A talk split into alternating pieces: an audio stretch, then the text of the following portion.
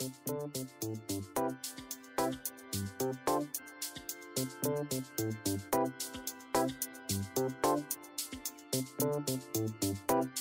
pusingnya akibat hipertensi dengan pusingnya akibat tension type headache atau pusing migrain itu cenderung hanya bisa dirasakan oleh pasien sendiri. Dan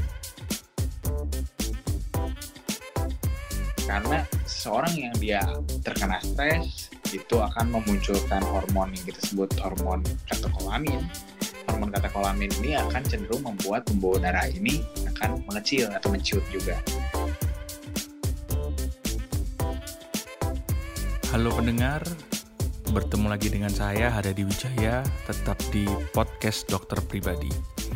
Di sesi kali ini yang merupakan sesi lanjutan dari sesi sebelumnya, yaitu hipertensi, kita bakal tetap ngobrol dengan dokter Hari pribadi, di mana jika sebelumnya dokter Hari sudah bercerita soal apa itu hipertensi, faktor resikonya dan resikonya pada tubuh kita, di sesi kali ini dokter Hari bakal berbagi informasi soal gejala hipertensi, bagaimana pengobatan dan cara mengatasinya.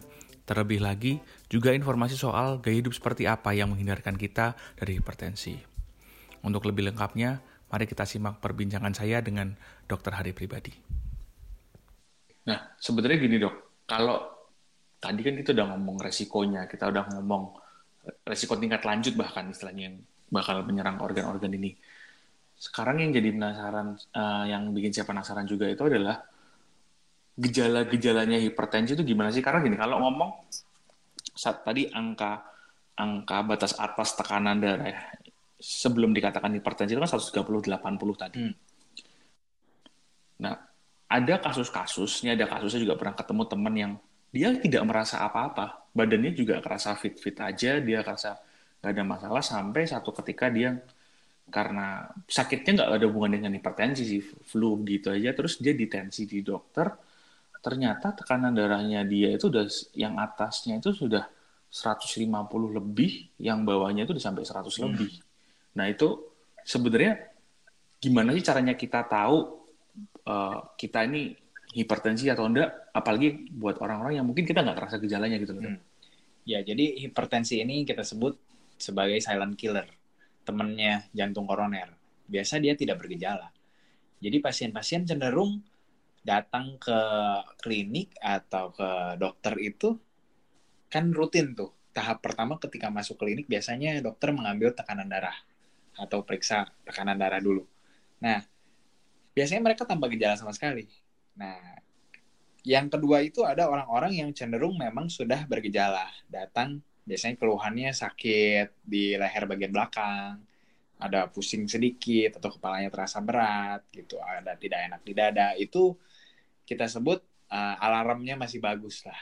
Kadang-kadang pasien justru yang seperti ini ini cenderung dia mengetahui tekanan darahnya tinggi lebih awal dibanding pasien yang alarmnya kita sebut sudah rusak. Karena ada beberapa pasien saya itu datang dengan tensi yang super tinggi yaitu 200, 210, 220. Pasiennya santai-santai jalan, tidak ada keluhan apa-apa. Nah, ini kita sebut alarm di dalam tubuhnya sudah rusak. Nah, yang bahaya tuh yang seperti ini. Pasien dengan tensi 220, dia jalan-jalan di mall atau di rumahnya biasa ngobrol-ngobrol, tiba-tiba marah, dia tekanan darahnya terlalu tinggi sampai 270, 280, pembuluh darah di otaknya pecah, akhirnya stroke mendadak. Ini disebut kematian mendadak, makanya kita sebut silent killer. Oh, berarti kayak memang harus, apakah memang orang tuh harusnya ngecek rutin kalau gitu dok? tekanan darah iya jadi harusnya dilakukan pemeriksaan tekanan darah teratur lah apalagi untuk usia-usia yang cenderung sudah berumur kita kasih patokan misalnya 30 tahun ke atas itu minimal uh, satu tahun sekali ada cek tekanan darah. Oke. Terus kalau untuk tanda itu kan tadi berarti intinya memang ada orang yang memang tidak tidak ada nggak kerasa gejalanya. Nah kalau kalau gejalanya yang hipertensi, karena biasanya nih yang kita asosiasikan dengan gejala hipertensi kan orang tadi cuma paling pusing-pusing atau kerasa kenceng-kenceng di belakang di belakang leher. Kalau kalau sebenarnya gejala medis yang benar bahwa oh ini adalah pusing karena hipertensi atau ini kencang-kencang karena hipertensi atau gejala yang lainnya itu apa sih dok tanda-tanda bahwa oh ini adalah hipertensi, tanda-tanda hipertensi? Hmm, sebetulnya tidak ada. Jadi memang tidak bisa dibedakan. Jadi memang harus dilakukan pemeriksaan tekanan darah karena pusingnya akibat hipertensi dengan pusing yang akibat tension type headache atau pusing migrain itu cenderung hanya bisa dirasakan oleh pasien sendiri dan secara uh, panduan kedokteran itu tidak bisa dibedakan. Jadi memang harus dicek tekanan darahnya. Oke, oke. Nah, pertanyaan berikutnya nih dok. Sekarang gimana caranya kita mengurangi faktor resiko kita kena hipertensi. Ya mungkin karena karena umur satu ketika tekanan darah kita bakal naik. Tapi kan kita pengennya juga naiknya jangan sampai yang parah yang tadi kayak dokter cerita sampai 200, 220. Kita kan pengennya ya ya di angka yang aman lah. Itu gimana cara kita mengurangi resikonya? Yang terpenting itu sebenarnya adalah modifikasi gaya hidup. Karena tadi faktor-faktor yang genetik itu tidak bisa kita rubah ya.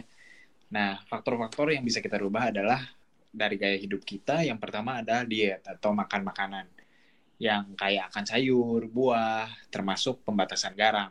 Itu hanya boleh kurang dari satu setengah gram. Atau paling mudahnya satu setengah gram itu adalah kalau kita ada satu ujung pisau itu sampai kuncup itu adalah satu setengah gram begitu. Jadi sebenarnya cenderung sangat kecil sekali untuk pembatasan garam ini.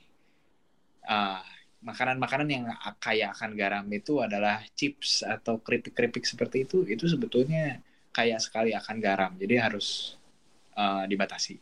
Kemudian yang kedua itu adalah lakukan aktivitas fisik atau olahraga. Karena ketika kita berolahraga itu pembuluh darah pembuluh darah kita itu akan dia me, kita sebut lentur lagi atau dia berdilatasi. Ya dia akan membesar. Itu akan uh, keluar hormon-hormon yang cenderung akan membuat tekanan darah kita itu akan rendah. Yang ketiga itu adalah pembatasan dari berat badan harus tidak boleh terlalu gemuk. Yang keempat juga adalah stres yang kita kelola dengan baik. Karena seseorang yang dia terkena stres itu akan memunculkan hormon yang kita sebut hormon katekolamin. Hormon katekolamin ini akan cenderung membuat pembuluh darah ini akan mengecil atau menciut juga. Yang tidak kalah pentingnya adalah menghindari uh, merokok dan asap rokok tadi. Kemudian batasi juga jumlah minuman keras ya karena minuman keras itu juga akan uh, berefek pada tekanan darah. Oh, Oke. Okay. Nah, sekarang mungkin pertanyaan terakhir dok, buat orang-orang yang sudah terlanjur kena hipertensi nih, nah hipertensi, kalau dari yang info yang uh, saya punya ini, oh, orang kalau udah kena hipertensi itu harus minum obatnya sumber hidup buat menjaga tekanan darahnya. Bener kayak gitu? Nah, iya itu betul. Jadi cenderung beberapa pasien saya itu misalnya datang nih tekanan darahnya 180, kita kasih obat nih. Dia datang dua minggu kemudian tekanan darahnya udah 120. Yang pertama akan dia katakan adalah dok, jadi obat darah tinggi saya nggak usah minum lagi ya. Nah itu adalah pemahaman yang super salah. Pasiennya cenderung bilang seperti itu karena dia berpikiran bahwa ketika dia minum obat itu terlalu banyak, maka ginjalnya itu akan rusak. Padahal tekanan darah yang tinggi dan tidak terkontrol itu adalah perusak pertama dari ginjal. Nah, yang kedua, dia itu bisa tekanan darahnya turun karena dia minum obat. Obat itu yang meregulasi tekanan darahnya sehingga bisa normal. Kalau dia putus dari obat, maka cenderung tekanan darahnya akan kembali naik. Maka yang harus kita uh, wanti-wanti ke, ke, kepada pasien-pasien kita adalah bahwa obat darah tinggi itu harus diminum seumur hidup dan itu dilakukan kontrol tekanan darah rutin karena kita tidak tahu apakah obat itu suatu saat itu harus kita tambah karena tekanan darahnya tidak lagi terkontrol atau dosisnya suatu waktu harus kita kurangi karena kalau cenderung terlalu tinggi juga bisa mengakibatkan tekanan darah terlalu rendah itu nanti pasiennya cenderung pusing, gampang pingsan, seperti itu, tidak bertenaga dan lain-lain. Oke, berarti bisa. Jadi sebenarnya yang boleh yang boleh mengatakan naik dosis, turun dosis, terus kemudian mungkin bisa nggak kemungkinan misalnya ngomong lah orang karena dia obesitas, lifestyle-nya juga kurang baik, dia kan darah, uh, tekanan darahnya jadi tinggi sekali, pergi ke dokter, diberi obat, diberi obat, terus akhirnya karena di situ dia melakukan perubahan gaya hidup, terus jadi saya berolahraga dan sebagainya jadi baik. Satu ketika obatnya dokter dokter bisa ngaran satu ketika ketika orang itu udah baik gaya hidupnya tekanan darahnya udah oke terus dicabut gitu obatnya. Sampai sejauh ini sih itu hanya berlaku pada usia yang sangat-sangat muda sekali. Biasanya ada uh, pengalaman ada usia 14 tahun itu dia dengan berat 120 kilo pasien saya itu dia tensi awal 170 kemudian dia bisa turun sampai ke berat badan ideal 80 kilo dia akhirnya tekanan darahnya kembali normal. Tetapi yang harus kita ketahui juga ada dua jenis hipertensi yang ini khas dia itu. Yang pertama kita sebut white coat hypertension atau hipertensi yang terjadi ketika pasien itu berobat ke dokter.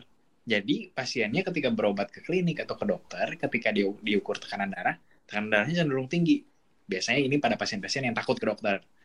Nah, ketika dia pulang ke rumah, tekanan darahnya cenderung normal. Itu namanya white coat hypertension. Yang ini kita cenderung biasanya uh, karena dia lebih banyak tidak ketemu dokter, itu kita jarang kasih obat.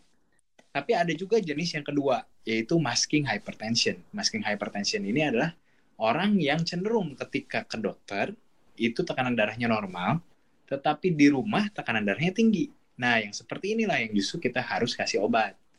Nah, untuk mendiagnosa yang masking hypertension ini perlu dilakukan namanya pengukuran tekanan darah 24 jam. Itu ada alatnya khusus. Gitu. Yang namanya kita sebut ambulatory pressure monitoring atau dia pengukuran tekanan darah yang terus-menerus. Biasanya alat itu dibawa pulang oleh pasien. Nah, tadi yang di pertanyaan awal adalah ketika orang itu cenderung ke dokter itu sudah tekanan darahnya darahnya normal, ini kita harus bedakan betul tekanan darahnya normal atau dia termasuk yang masking hypertension. Maka harus dilakukan lebih dahulu ambulatory blood pressure monitoring tadi. Tuh, jadi memang ada ada faktor psikologis juga ya akhirnya yang bikin orang ini ketemu dokter ini malah jadi tensinya dia naik apa justru ketemu dokter tensinya dia bisa jadi turun malah nah, gitu ya. Iya. Oke. Ternyata banyak juga faktor yang yang menyebabkan hipertensi ya dok ya. Berarti ini kalau kalau saya mau menyimpulkan nih, berarti hipertensi itu memang penyakit keturunan ya dok? Iya. Faktor keturunan memegang peranan penting. Oke faktor keturunan megang peranan penting. Kedua, faktor gaya hidup akhirnya ya. Iya.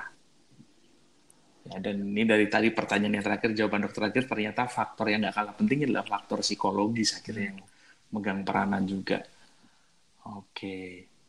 Oke, banyak banget nih info yang kita dapat di sesi kali ini soal penyakit yang umum, tapi ternyata lumayan nggak umum infonya. Oke, okay, thank you Dokter Hari buat waktunya, ya. buat kesempatannya untuk ngobrol-ngobrol. Sampai ketemu lagi di sesi-sesi selanjutnya. Terima kasih.